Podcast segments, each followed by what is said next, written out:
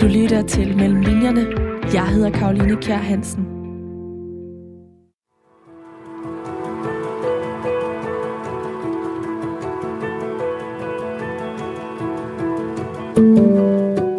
For fire år siden var Anne-Katrine Ribnipski på ferie i Andalusien med sin familie. For hende var det et genbesøg med området, fordi hun som 15-årig tilbragte et helt år i den spanske landsdel som udvekslingsstudent. Men ligesom den øvrige del af familien, så oplevede også hun noget nyt på denne tur.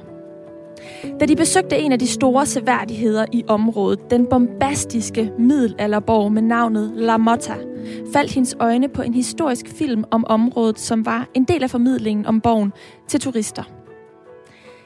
Den her film den blev startskuddet for Anne-Katrine Ribnipskis jagt efter den sidste borgherre.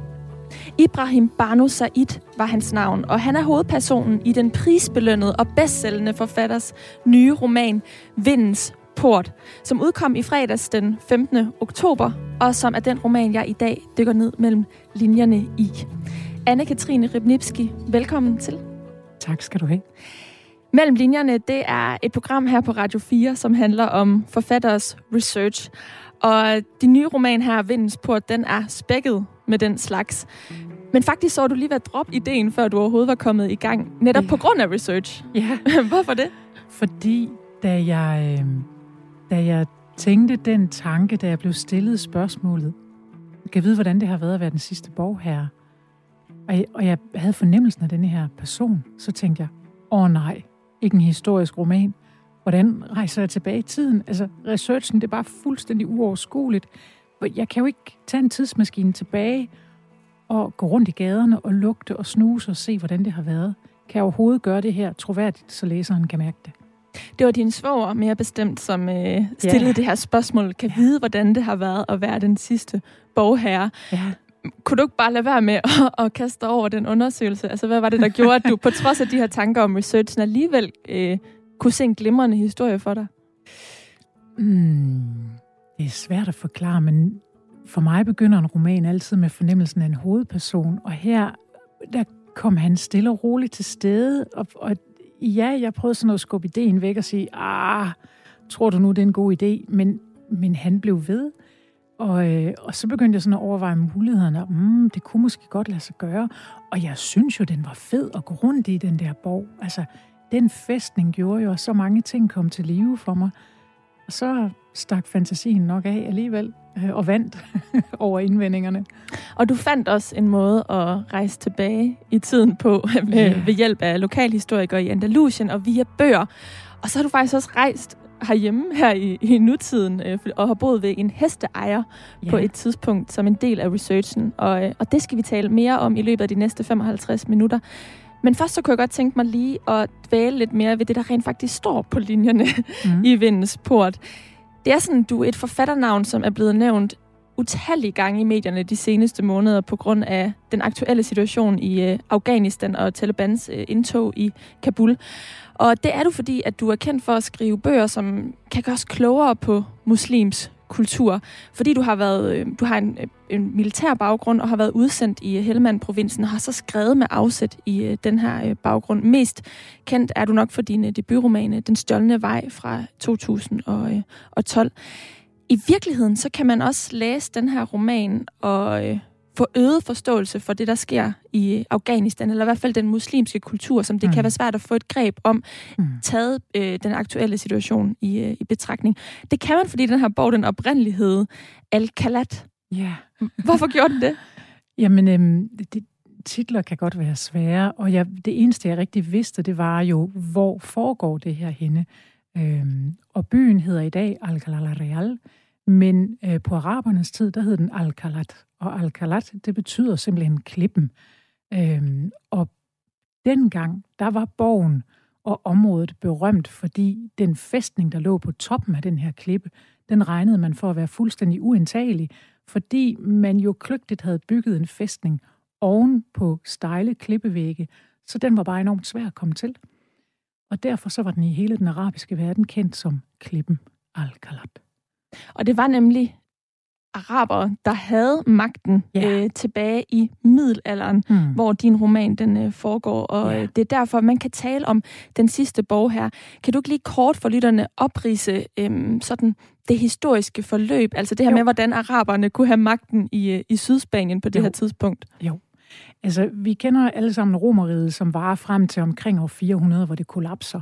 Øh, og de dækker jo hele Middelhavsområdet, og dem kan man stadigvæk finde mange rester af, også i det her område.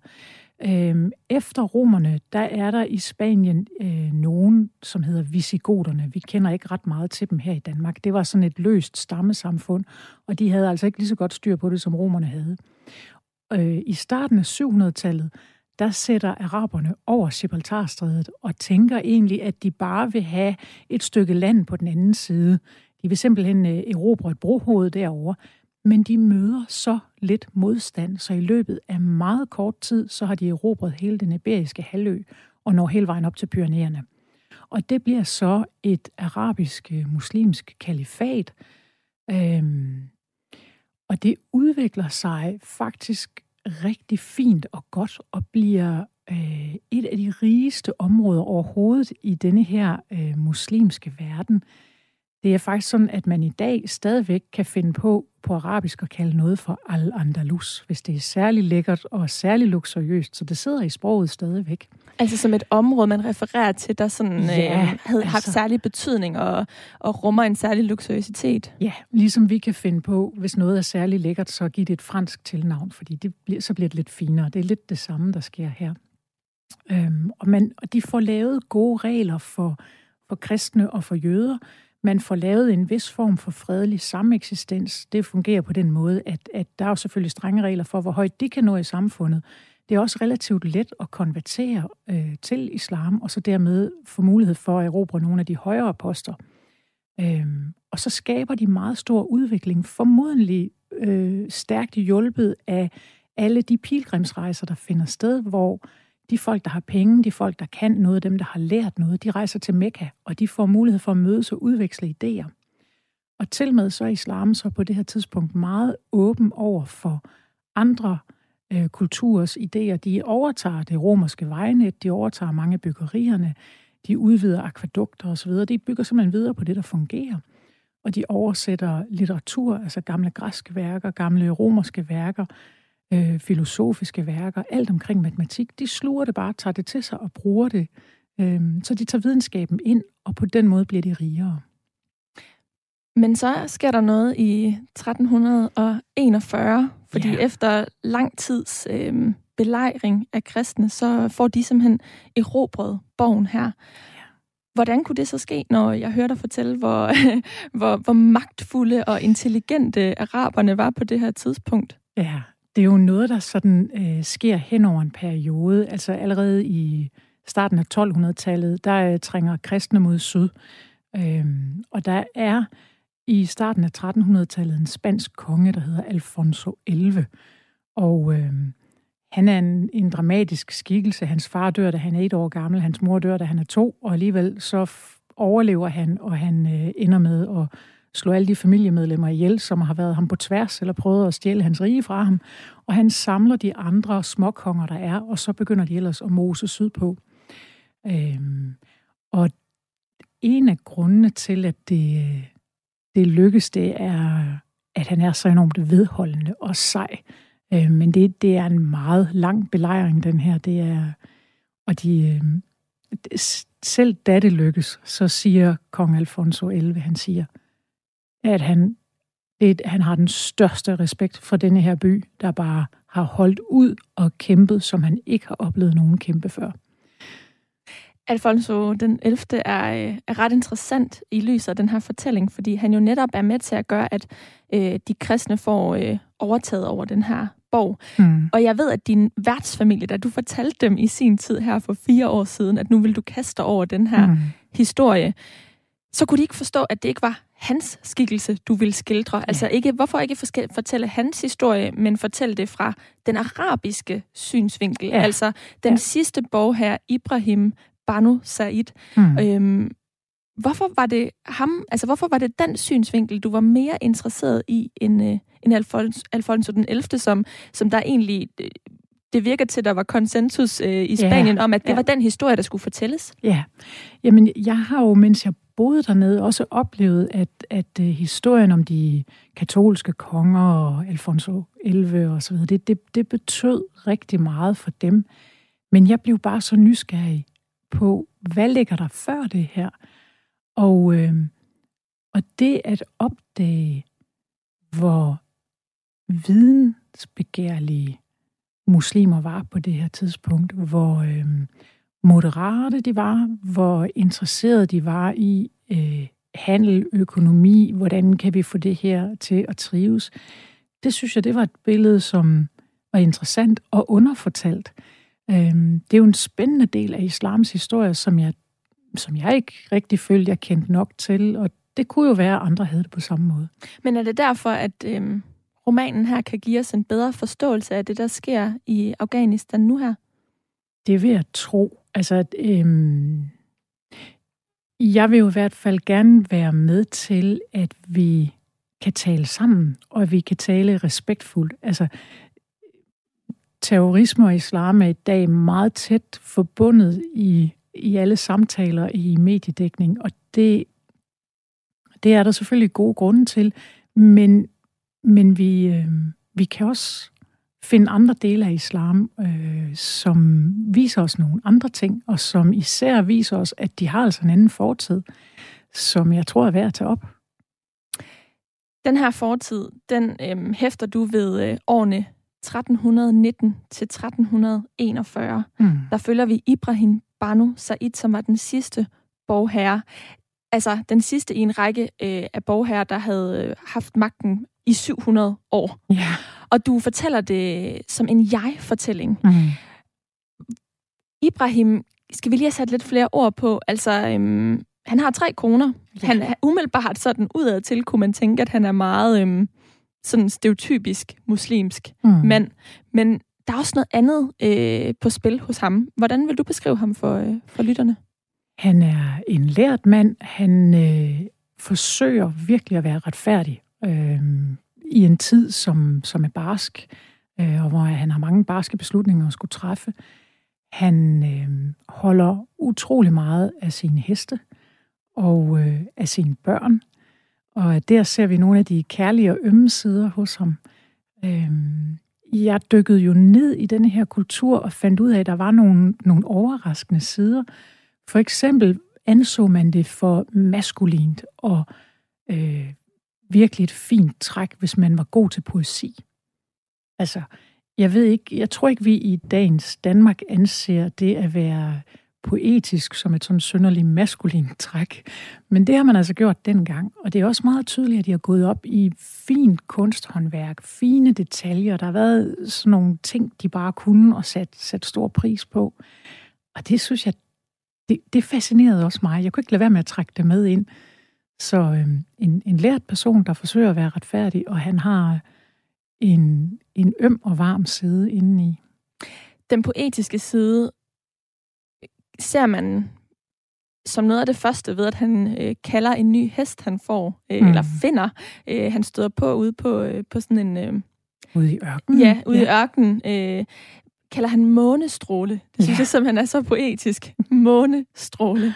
Ja. Og den her øh, følsomhed, eller øhm, det, der ligger bag masken øh, mm. hos ham, det ser man jo, som du selv siger her, særlig omgang med, med heste. Og vi har aftalt, at du lige skal læse en passage højt, ja. så, som skildrer øhm, de her karakteristika, han også har, udover at være en borgherre med, med flere koner. I øvrigt vil jeg også sige, at han, han, han, han er jo ikke... Øhm, han mishandler ikke sine koner eller noget som helst. Han har bare flere koner, og så er han måske ja. sødere over for nogen end, end for andre. Ja. Men, men det er ikke fordi, at han sådan... Øhm, han bliver ikke øh, fremstillet som en, en voldsom mand på den måde. Nej, altså han... han øh, Ja, han, han har både gode og dårlige sider, men, men de gode sider, de fylder mest, fordi jeg har det sådan, at hvis jeg skal være i selskab med de her personer i to eller tre år, det er den tid, det tager mig at skrive en bog, så skal jeg altså også kunne holde dem ud, øh, og læserne skal også kunne holde dem ud.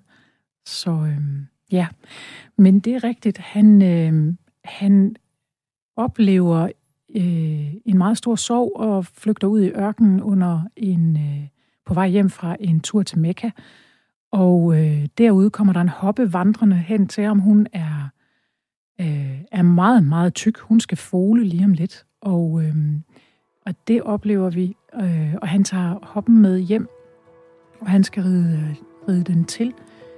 Øh, og det vil jeg læse et lille stykke fra, hvor vi, hvor vi oplever det her. Øjeblikket er kommet. Jeg tager fat i månestråles man og sætter en fod i stigbøjlen. Jeg lægger vægten i. Hun bliver stående. Jeg hæver mig op og læner mig ind over hende. Hun bærer nu min vægt. Jeg klikker med tungen, og Storm presser sig tættere mod hoppen. Jeg sætter af og stiger op flere gange. Til sidst læner jeg mig ind over hende og hviler der et øjeblik. Jeg stryger hendes hals og visker til hende. Du bliver glad for det her. Vi skal ride så mange ture sammen, og jeg vil passe på dig altid. Det lover jeg. Så svinger jeg benet over hendes ryg og sætter mig i sadlen. Gå, Storm, siger jeg. Vi begynder at ride. Storm klæber op af hoppen, og følget løber foran. Jeg gør ingenting. Jeg lader mig bære. Vi skal ride så mange ture. Du skal se mit smukke land. Jeg vil vise dig ørnene, der jager, og bjerge med evig sne på, og vidunderligt tykt grønt græs. Det bliver fantastisk. Jeg tøver, så tilføjer jeg. Jeg vil passe på dig lige til den dag, vi finder din retmæssige ejer. Hun lægger ørerne tilbage. Jeg klapper hendes hals. Måske finder vi aldrig din retmæssige ejer, visker jeg. Så kan du blive hos mig og Storm altid. Storm, trav. Hun har lette, fjederne bevægelser og en ryg med muskler, der arbejder. Jeg når kun at tænke galop, og så slår Storm over i galop. Vi galopperer roligt rundt og rundt. For første gang i lang tid føler jeg noget andet end sorg og bekymring. Jeg føler en stille glæde. Kroppen er tillidsfuld, dygtig og smuk. Jeg er sikker på, at hun både er hurtig og modig. Holdt, visker jeg, og Storm stanser. Det er nok nu. Det er alt sammen mere end nok til at overbevise en skibskaptajn. Tak, Anne-Katrine Ribnitski. Det er jo meget tydeligt fra passagen her, og jeg sagde det også før, at det er en jeg-fortæller, du har valgt mm. hele vejen igennem. Yeah. Yeah. Når du nu i begyndelsen tænkte, mm, jeg skal måske lige holde igen med den historiske roman, jeg kan ikke rejse øh, mm. særlig godt tilbage i tid. Yeah. Hvorfor tænkte du så, at det var en god idé at prøve også at rejse ind i hovedet på dem, som du skulle skrive om? Jeg fornemmer, hvor det her det bærer hen. Uh, ja, men, ja, men det, det var virkelig også noget, jeg overvejede, fordi mange ting ved denne her roman var oplagte til en tredje persons fortælling, fordi så kunne jeg have været i flere forskellige personer. Øhm, men altså nogle gange øh, sker der nogle valg relativt tidligt i processen, og jeg, jeg fik skrevet noget, og jeg ramte en eller anden tone, som viste sig at være Ibrahims. Og øhm, og det var ligesom om, at, at jamen, skulle jeg ud af det, skulle jeg vælge en tredje persons fortælling. Det, det ville også have nogle fordele, men så kunne jeg ikke få den tone, som Ibrahim har. Så det var sådan, det, det var et valg, jeg måtte træffe, og øh, ja, jeg har ikke fortrudt det, øh, men det var en overvejelse. Og det, det var også en overvejelse i forhold til at være kvinde og prøve at skrive en mandlig muslimsk borg her i 1300-tallet. Altså, det, Mm, jeg kunne ikke være sikker på, om han var troværdig. Øhm. Men det har du fået en særlig hjælp til, og yeah. det vender vi tilbage til lidt senere. Nu skal vi først tale om din research. Du lytter til Mellem Linjerne. Jeg hedder Karoline Kjær Hansen. Og i dag lytter du også til Anne-Katrine Ribnitski, fordi hun er min øh, gæst i dag, og hun er aktuel med romanen Vindens Port, der udkom i fredags. Anne-Katrine, vi har netop talt om, at øh, den her roman øh, var lidt af en mundfuld for dig i begyndelsen, fordi det er en historisk roman, og det er en mm. roman, man med god vilje kan læse, hvis man gerne vil have endnu dybere forståelse for det, som sker øh, i Afghanistan lige nu. I hvert fald hvis man vil have et indblik i nogle andre sider af den muslimske kultur, fordi romanen foregår i øh, middelalderen og giver et indblik i øh, muslimerne, da de havde øh, stor magt, men også øh, hvide begærlighed og, ja. og, og også var sådan havde blik for andet end tro, har jeg ja. lyst til at sige, fordi ja. det oplever jeg faktisk Ibrahim Banu Said, som er hovedpersonen, den sidste borgherre øh, i den her borg, hvor romanen centrerer sig om. Han, han beder, men han, han er ikke sådan. Han skal ikke bede. Han, han skal ikke bede hele tiden. Han kan mm. godt skippe det, hvis der er noget, han synes er vigtigere. Er det mm. ikke? Kan man ja. ikke godt beskrive jo, hans forhold til tro på den ja, måde? Det passer meget godt. Altså, det er jo det er jo også øh, en del af islam, som er underfortalt, fordi rigtig mange muslimer er på den her måde. Deres tro er der for dem, men det gør jo ikke, at de er rabiate øh, på ingen måde. Og, og han er jo netop ikke rabiat. Altså, man skal huske at skille meget mellem, hvad der er Taliban og, og hvad der er almindelig islam. Nu siger du, at den her del er underfortalt, og så mm. er det meget nærliggende at tænke, så er det ekstra svært at prøve at blive klogere på det. Det har det sådan set også været i forhold til en dansk kontekst. Du har blandt andet læst bøger om, om den her tid, mm. øh, men på spansk og på engelsk. Ja. Hvilken, hvilken slags bøger er det, du har, du har læst for at blive klogere på det? Jamen, jeg var øh, blandt andet omkring det lokale bibliotek i Alcalá, øh, hvor jeg fik rigtig, rigtig god hjælp. Øh, så, så der findes jo heldigvis en masse værker, med øh, også med tekster fra datiden, og det er jo så lidt tungt at skulle læse historisk spansk, skal jeg gerne indrømme, men, øh, men at få nogle af de ting frem, og få nogle af de der historier om, hvad der var almindeligt, hvad var god skik og brug i en krig, øh, hvad gjorde man, hvad gjorde man ikke, og så læse mig ind på, hele det diplomati, der faktisk var, altså der foregik forhandlinger på kryds og tværs.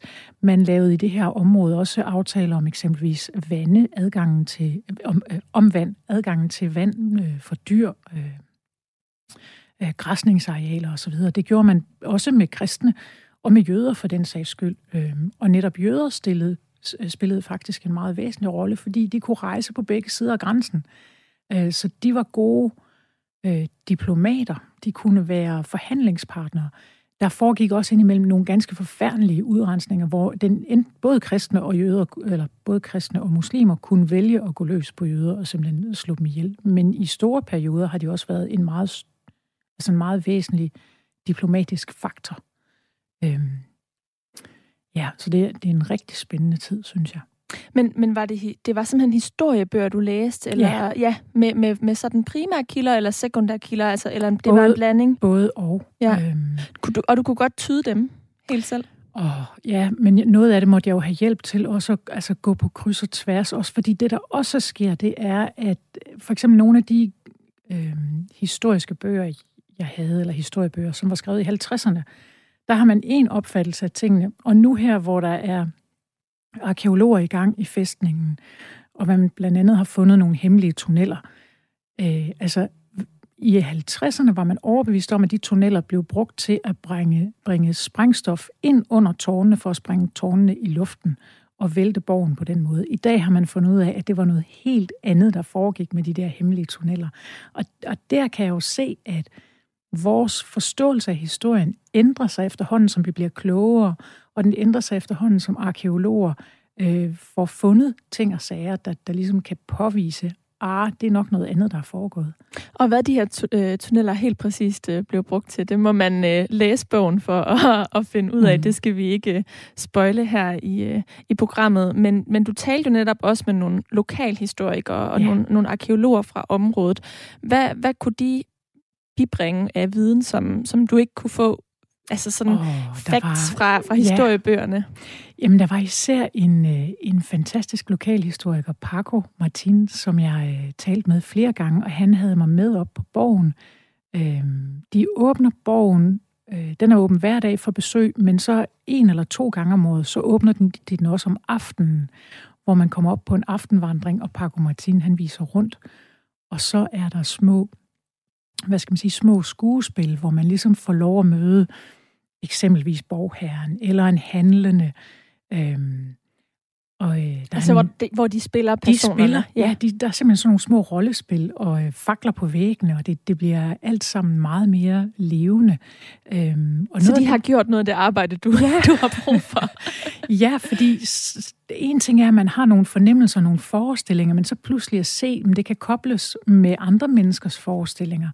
Øhm, et sted viste Paco mig, prøv at en, en øh, bod i bazaren, øh, på torvepladsen, den har ikke været større end sådan her. Der har været plads til én håndværker og en eller to stikkerandrenge. Ikke?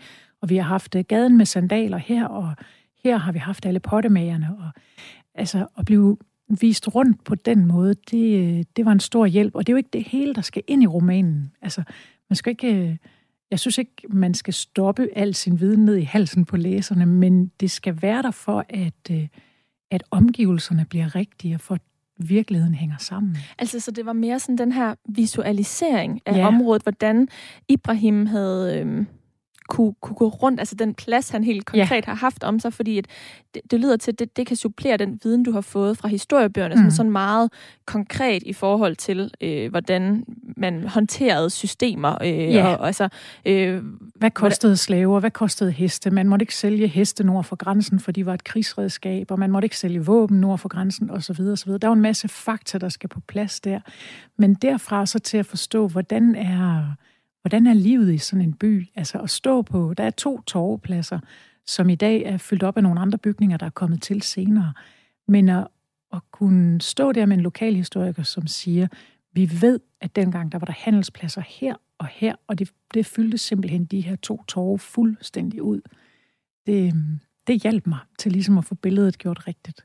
Hvad var det mest overraskende, du fandt ud af i den her del af researchen? Altså det, det der med sådan så dybtegående at gå ind i en anden tid og til med en anden kultur, som du selvfølgelig har et indblik i via din, øh, din øh, militær øh, karriere, men, men, men, men når det er, som, som du også øh, fortalte her i introen, at det er en helt anden tid, ja. altså det, der må også have været nogle store aha-oplevelser. Jamen det har der også. Altså tit jeg ved ikke, hvordan andre har det, men jeg har jo sådan en forestilling om, at middelalderen, det var nok begrænset, hvad man kunne, og det var nok begrænset, hvad man vidste. Altså, det her tidspunkt, det er lige før vi opfinder det mekaniske ur. Øhm, og ja, det jeg hele tiden er løbet ind i under min research, det er sådan noget med, at jeg har stillet kontrolspørgsmål. Havde man ris på det tidspunkt?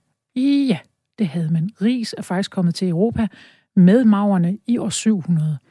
Okay, silke Jamen, silkeorme og Kina, hvordan hænger det sammen?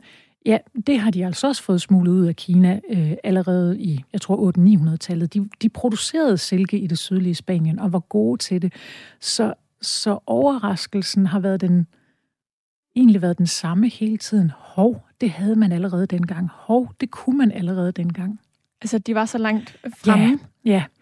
Øhm, og, og en af de ting, som man også ved i dag, det er, at da de kristne fik smidt muslimerne ud, der mistede vi altså 300 års fremskridt inden for medicinsk viden. Øh, de første øh, medicinske værker, de findes øh, på arabisk. Der er øh, en vidunderlig titel i bogen, øhm, Medicinsk leksikon for den, der ikke kan samle sin egen bog, tror jeg, den hedder. Altså, og det er en, en kirurg, som øh, har gjort sig felterfaringer om, hvordan foretager man bedst amputationer, hvordan kurerer man bedst de og de sygdomme. Og tænk, det har man, det har man lavet. Og mange af de her værker blev desværre brændt af katolikkerne, fordi de var på arabisk, og øh, man forstod ikke bogstaverne, men var også lidt bekymret for, at det muligvis var djævelens sprog. ja. ja. Øh, så, ja. så var man alligevel heller ikke længere Nej. fremme. Altså. Nej. Nej. men du, kunne, du, du fandt de her mennesker og værker, der gjorde, at du på en eller anden måde alligevel formåede at rejse i tid, som mm. du mhm. havde brug for, for at kunne skrive den her øh, roman. Men du har også rejst øh, i nutiden herhjemme, bare i Danmark, yeah. til, til Vestjylland. Altså yeah. et knap så eksotisk sted, er der måske yeah. nogen, der vil have det.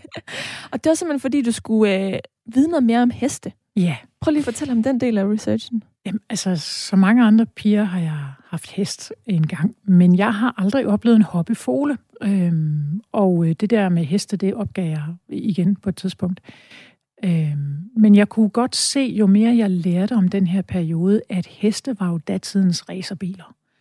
Øhm, og sådan en magtfuld herre, han har haft en stald fuld af rigtig hurtige heste. Og de trænede dem, og de kunne alverdens ting.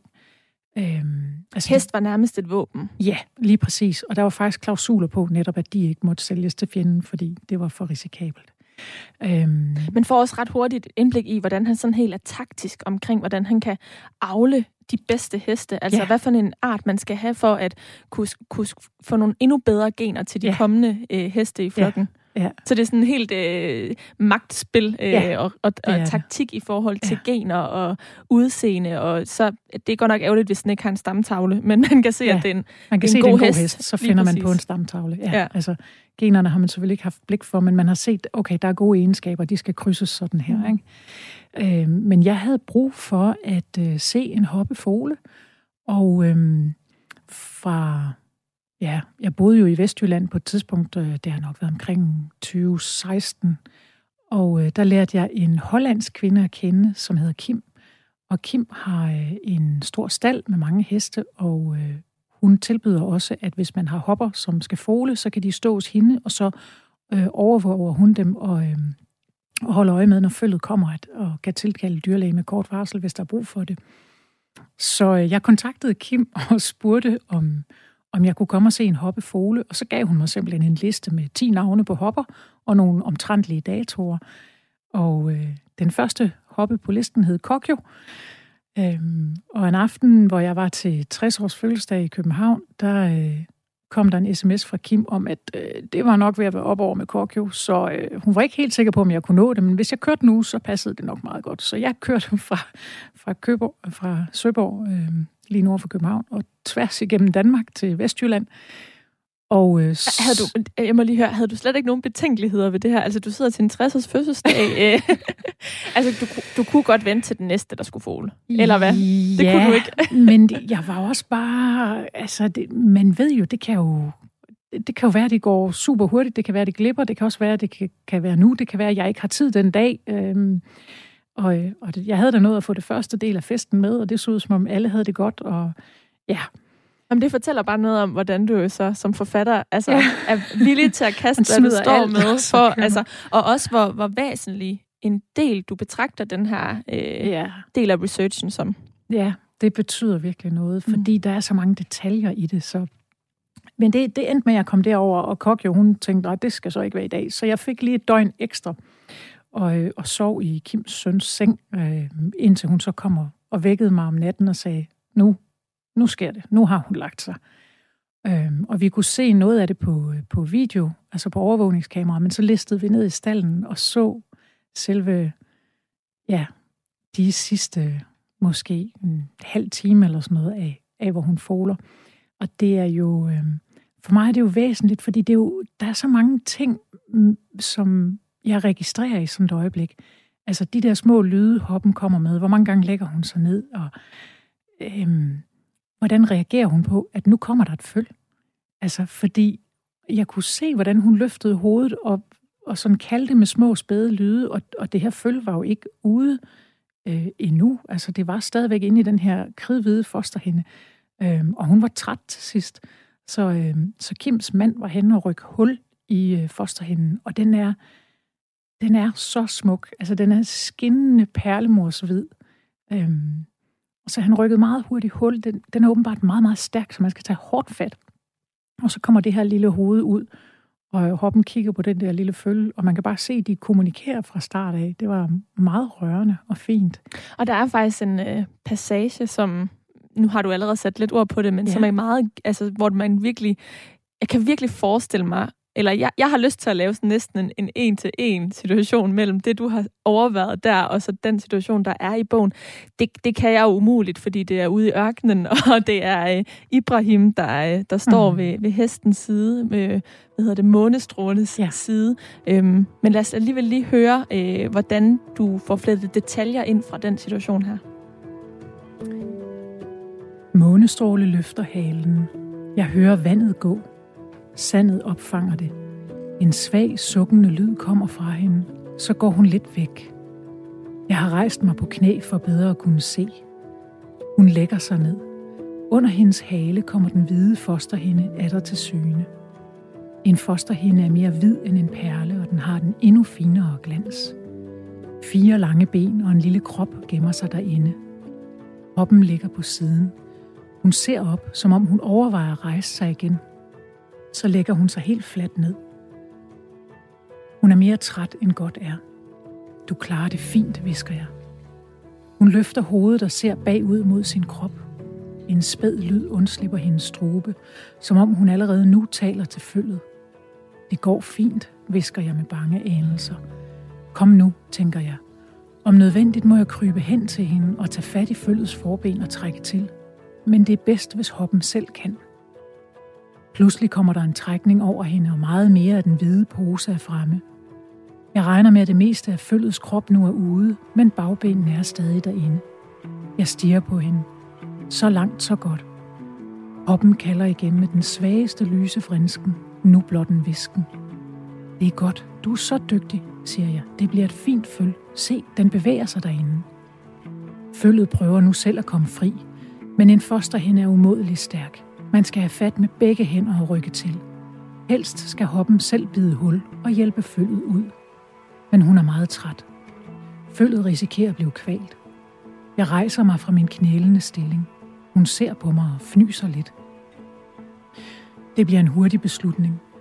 Jeg er fremme i få skridt, knuger om den silkeglatte hvide hinde og rykker hul. Jeg tager fat i følgets forben og trækker. Kroppen glider længere frem.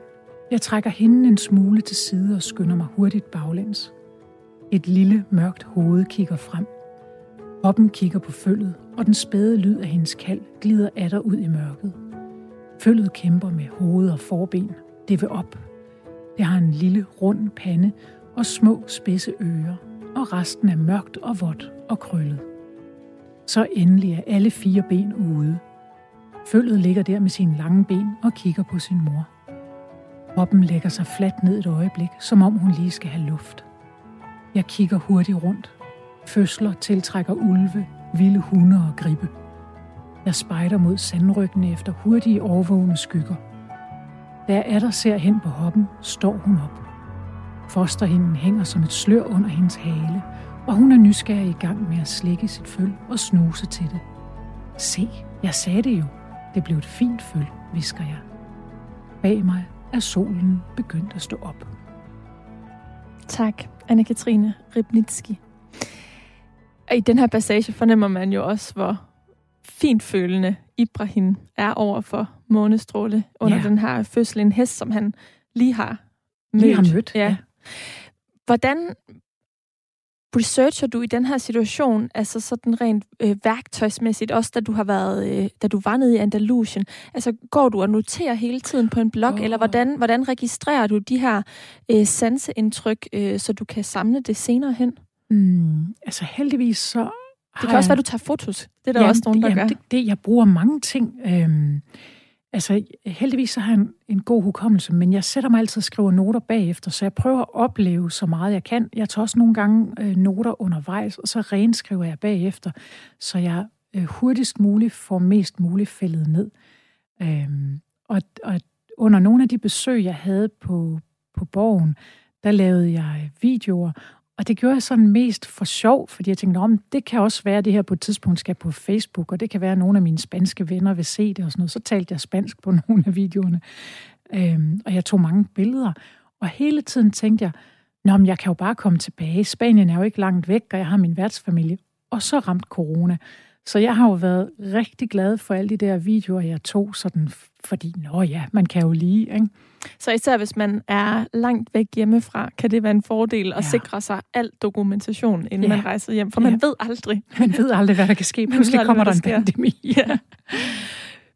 Du øh, var, som sagt, som vi har talt om, meget... Øh, tilbageholdende med at kaste dig ud i det her, fordi det er en historisk roman, og det er første mm. gang, du kaster dig ud i det. Fordi sådan research, hvor du tager ud og oplever øh, nutiden, øh, det er du vant til det har at, jeg gjort før, at, ja. at, at gøre. Men det her med at gå tilbage i tiden, og især mm. gå ind i hovedet på en muslimsk mand, mm. øh, var, var helt nyt for dig. Øh, men du fandt faktisk også ud af i processen, at der var noget godt ved den, den del af processen. Hvad var det?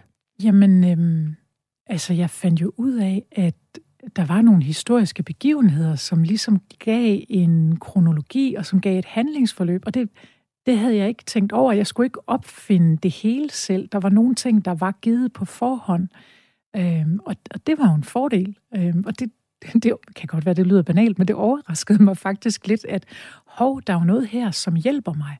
Øhm, der er blandt andet et, et berømt slag, der finder sted midt i bogen. Øhm, og det, jeg var sådan lidt, mm, det var ikke fordi, jeg egentlig havde lyst til at skrive en hel masse om det, men, men det var der jo, og det var et meget afgørende slag, fordi muslimerne virkelig banker øh, de nordlige kristne konger sønder og sammen.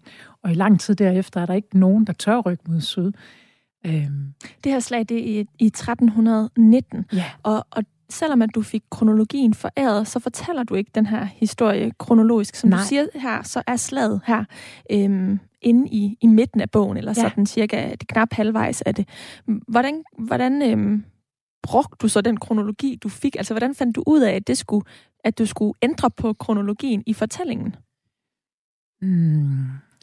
Altså, noget af det handler om, at jeg jo sådan langsomt havde cirklet mig ind omkring Ibrahim og øh, nogle af de første scener eller kapitler, jeg havde skrevet med ham, de foregår på en, en rejse hjem fra Mekka. Og øh, da jeg havde skrevet så langt og så meget, så kunne jeg se, at jeg kunne ikke lægge noget andet ind først, fordi jeg havde allerede der langsomt præsenteret hans hustruer og hans forhold til dem. Øhm, så man havde mødt en masse personer, og det vil sige, det slag, som ligger tidligere, det måtte jeg så have ind som et flashback, en lang erindring om en tid, som faktisk var meget lykkelig for ham. Ikke? Øh, så, så det kom til at ligge senere i romanen, end hvad kronologien egentlig foreskriver. Øh. Skal vi ikke lige høre en lille passage fra, øh, fra det slag der? Jo, det kan vi godt. Vi taler længe om vores sejr, og vores uorganiserede fjende. På dette tidspunkt har vi kurs mod en samling gårde, hvor vi formoder, at der må være en brønd. Hestene trænger til vand.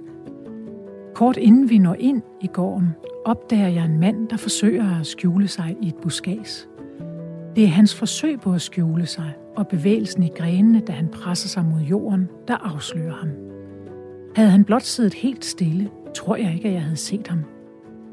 Jeg springer af Sefyr og går frem mod busken med trukket svær. Jeg befaler ham at komme frem. Han kravler ud på alle fire og lægger sig på knæ foran mig. Han er blot en bange knægt. Hans tøj er almindelig, og han er tydeligvis ikke af fin slægt. Du skal få lov at leve og gå herfra, hvis du fortæller mig, hvad der er sket, siger jeg roligt. Han skæver bange op og ser hurtigt ud på mine ridere. Jeg tror, du må indse, at du er i undertal, smiler jeg. Jeg faldt, jeg, faldt af min hest, siger han. Du var en del af Don Pedros her, spørger jeg. Han nikker. Sig mig, hvad der skete. Vi brød op for at ride mod Granada. Jeg red bagerst med dyrene. De angreb alle steder fra. De var overalt. Folk som jer, herre. Mine dyr gik i panik. Okser og får løb i alle retninger. Vi sprang for livet. Folk som os. Hvordan som os. Jeres heste er lette, og I skyder med bue fra hesteryg og slås fra hesteryg med svær, og I rider i alle retninger og vender meget hurtigt. Som han sidder der på knæ, støvet og beskidt, har jeg nærmest ondt af ham. Han har tabt sin flok, og han er i et område, der er ham fuldstændig fremmed. Om han vil overleve dagen er uvist. Jeg svinger mig i sadlen, og vi forlader drengen og rider videre mod gårdene. Min formodning er altså sand, Kong Ismail har angrebet, selvom han var i undertal. Han har angrebet bagtropperne og skabt panik. At dømme efter det, vi har set, er han fortsat med at angribe hid og did til hele Don Pedros mægtige her er gået i opløsning. Tak, Anne-Katrine Ribnitski. Du er uddannet fra forfatterskolen, så er du også sprogofficer i øh, russisk og har den her militærkarriere, som vi har talt om. Mm. Og egentlig så er det ikke, fordi du sådan er interesseret i at skrive sådan blodige øh, kampscener frem i din, i din litteratur? Øhm, men alligevel så var det her slag, øhm, som passagen her er en del af, interessant for dig, mm. når du tog de her militærbriller på. Ja. Hvorfor det? Fordi jeg kan se, at her øh, sker der noget øh, taktisk ret nyt. Altså, op indtil omtrent det her tidspunkt, der er her ligesom stødt sammen og og øh, gået front mod front, og så har de kæmpet og smadret til højre og venstre. Men det, der sker her, det er, at øh, kong Ismail, som sidder i Granada, han gør noget meget klogt. han, øh, i stedet for at gå løs direkte frontalt, så angriber han ind mod bagtropperne, som er der, hvor man har al logistikken, al, alle forsyningerne, alt det, som øh, soldaterne skal leve af. Og så skaber han panik i de her bagtropper, og så han angriber ikke der foran, hvor de er allerstærkest. Han angriber i siden og ind bagtil, og, og så bliver, falder det hele fra hinanden. Og det er, det er et berømt slag, det her. Øhm, de, de farer i alle retninger, og de bliver spredt ud over en strækning på mere end 50 km, og ingen har nogen kontakt med hinanden. Og så er det jo endnu nemmere for Ismail og hans herfører at bare hugge dem ned lidt efter lidt. Så han får virkelig slagtet så godt og grundigt, at øh, det ender med, at de, de katolske konger de trækker sig mod nord og tænker, det her, det tør vi simpelthen ikke en gang til. Og der går rygter og frasavn om det her slag i hele den muslimske verden. Så altså, det går hele vejen til Cairo. Det er en sejr så stor, at, øh, at man i lang tid derefter hviler i fred. De her scener altså det, du, du lyder jo enormt vidende om det, når du fortæller sådan her. Kun, kunne du udelukkende skrive det frem via din erfaring øh, som udsendt, eller, eller har du fået nogen form for, for sparring i forhold til sådan øh, militære kampstyrker i 1300-tallet? altså, jeg har igen været i de historiske kilder, øh, og så er det så heldigt, at øh, min mand øh, også er militærperson. Han er oberst, så jeg fik ham til at læse tingene igennem, og han kunne pege nogle steder og sige, det her, det, det passer ikke, eller det der er du nok nødt til at undersøge lidt nærmere. Øh, så, så det gjorde jeg så. Og din mand spillede faktisk en ret central rolle i din skriveproces ja. i forhold til din, øh, din tidligere bøger den ja. her gang. Vi kan lige nå at vende skriveprocessen, så lad os gøre det. Du lytter til Mellem Linjerne. Jeg hedder Karoline Kjær Hansen. Hvordan vil du egentlig beskrive din skriveproces mm-hmm. den her gang? Altså, det har været en god bog at skrive. Det har været øh, lettere, end jeg troede, og den har været rigtig rar ved mig. Den har ikke, øh, den har ikke strittet voldsomt imod. Øh, det har været nogle stille og rolige gode dage, hvor jeg bare har arbejdet stødt fremad. Hvordan strider en bog imod? Um, nogle gange kan de altså godt være besværlige. Øh, det lyder næsten som en form, en form for teenager. ja, altså, jeg har jo haft bøger, som bare ligesom ikke hvor jeg måtte sidde og vente. Altså, hvor der godt kunne gå nogle dage, hvor jeg tænkte, mm, hvad skal jeg nu? Så kom dog med noget mere. Men her, der synes jeg, at den har, den har flyttet meget godt, øh, og sådan udviklet sig fint, stille og roligt, og ikke, ikke lavet kriser og knas til sidst. Altså, mine første fire bøger, der havde jeg øh, sådan en krise tre fjerdedel hen i manuskriptet, som øh, i, med et par af bøgerne var den rigtig hård og tog lang tid. Øh, men den her, den har ikke brokket sig. Den har bare stille og roligt vokset. Men den her gang har du så også brugt din, øh, din mand løbende. Altså øh, no, yeah. normalt så, så får han lov til at læse det som den, den aller sidste, og nogle gange slet ikke. ja. Men den her gang har du simpelthen valgt at inddrage ham fra start, og jeg var lidt overrasket, da du fortalte mig om det her, øh, før vi gik ind i studiet, fordi at øh, nu har jeg efterhånden haft øh, over 50 forfattere med i programmet her, og et gentagende svar på, hvem de får hjælp af i skriveprocessen, det er øh, partneren, altså mm. manden eller konen, og de læser manuskriptet igennem som den første, og nogle gange op til seks gange, før at det overhovedet ryger til, til redaktøren. Men du er helt modsat på yeah. den. yeah. Prøv lige at fortælle om, øh, om den del af processen. Øhm, altså, jeg, jeg skriver alene, og jeg skriver et meget, meget langt stykke alene, og så er min redaktør den første, der ligesom får lov at læse, og og der er ikke nogen andre, der skal kigge på noget eller blandes ind i noget. Og, øh, og hun siger som regel ikke så meget andet, end at hun synes, det er fint, og så fortæller hun mig en masse ting, der virker, og, og vi ved begge to, at det her det er langt fra færdigt. Øhm, men hun giver mig den der opmundring, der gør, at jeg går videre.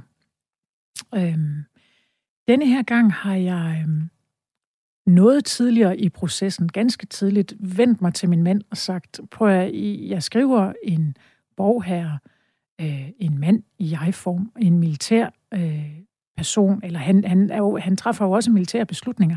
Jeg har simpelthen brug for at vide, om det er troværdigt, det her. Og derfor fik jeg ham til at læse igennem ret tidligt i processen. Og, øh, og min største bekymring var, er han troværdig som mand? Altså, er Ibrahim troværdig som mand? Og øh, Damas sagde, det er han. han. Han fungerer godt, så, så, var jeg ikke, så var den bekymring ligesom ryddet af vejen. Så Men det var ligesom sådan det her, altså den måde, han agerer på, sådan helt grundlæggende som mand, som du havde brug for, ja. for bekræftelse i. Jamen, også fordi der jo netop er de her andre aspekter, hvor han, er, han har nogle poetiske sider og nogle, nogle lidt blødere og finere overvejelser nogle steder. Øhm, og det vil jeg gerne vide, fungerer det? Altså, er det troværdigt? Øhm, det var det så heldigvis, mente han. Så. en ting er jo, øhm, hvordan, om en, en karakter er troværdig. Sådan, hvor grundlæggende mm. troværdig er den her roman? Fordi det er jo en roman, mm. men, men en historisk roman. Så, så, yeah. så hvor, hvor har du ladt grænsen mellem fakta og fiktion gå? Ja, altså... Øhm, vi ved jo ikke, om hvad den sidste borgherre hed. Det har jeg fundet på. Vi ved efternavnet. Det kender vi. Øhm, men om han har heddet noget andet til fornavn, det er vi ikke klar over. Han har en slægtning som er digter. Han er nævnt i, øh, i bogen En oldefar. Øhm, slaget har fundet sted. Måden øh, bogen falder på, det er den måde, det er foregået på. Øh, datoer og så videre, det er så, altså, det er så tæt på korrekt, som det overhovedet har været muligt. Øhm, jeg har gjort meget store anstrengelser for ikke at opfinde et eller andet, der ikke fandtes på det tidspunkt. Øhm, men vi kan jo ikke vide præcis, hvad der er foregået inde i hans hoved. Så derved er det jo en roman. Altså, det, er jo, det er jo der, hvor jeg skaber noget og putter kød og blod og, og omgivelser på det hele for at få det gjort levende. Med den viden, du har opnået om den sidste borgherre, tror du så, han ville være glad for, at du skrev den her øh, roman, eller hvad tror du, han ville synes om det? Åh, det var da et skønt spørgsmål. Jeg tror, han ville være tilfreds. Det tror jeg. Det håber jeg. Det håber du det i hvert fald. det håber jeg. ja. Din roman her, den udkommer. Øh, den er lige udkommet, når vi sender det her, og når vi optager, så er den faktisk ikke udkommet Nej. endnu. Hvordan har du det? Skrækkeligt. Hvorfor det? Fordi jeg elsker at skrive, men jeg afskyr at udgive, og jeg er simpelthen hver gang frygtelig, frygtelig nervøs øh, for anmeldelser, for hvordan bliver den modtaget, øh, bliver den forstået, er det okay, det jeg har lavet?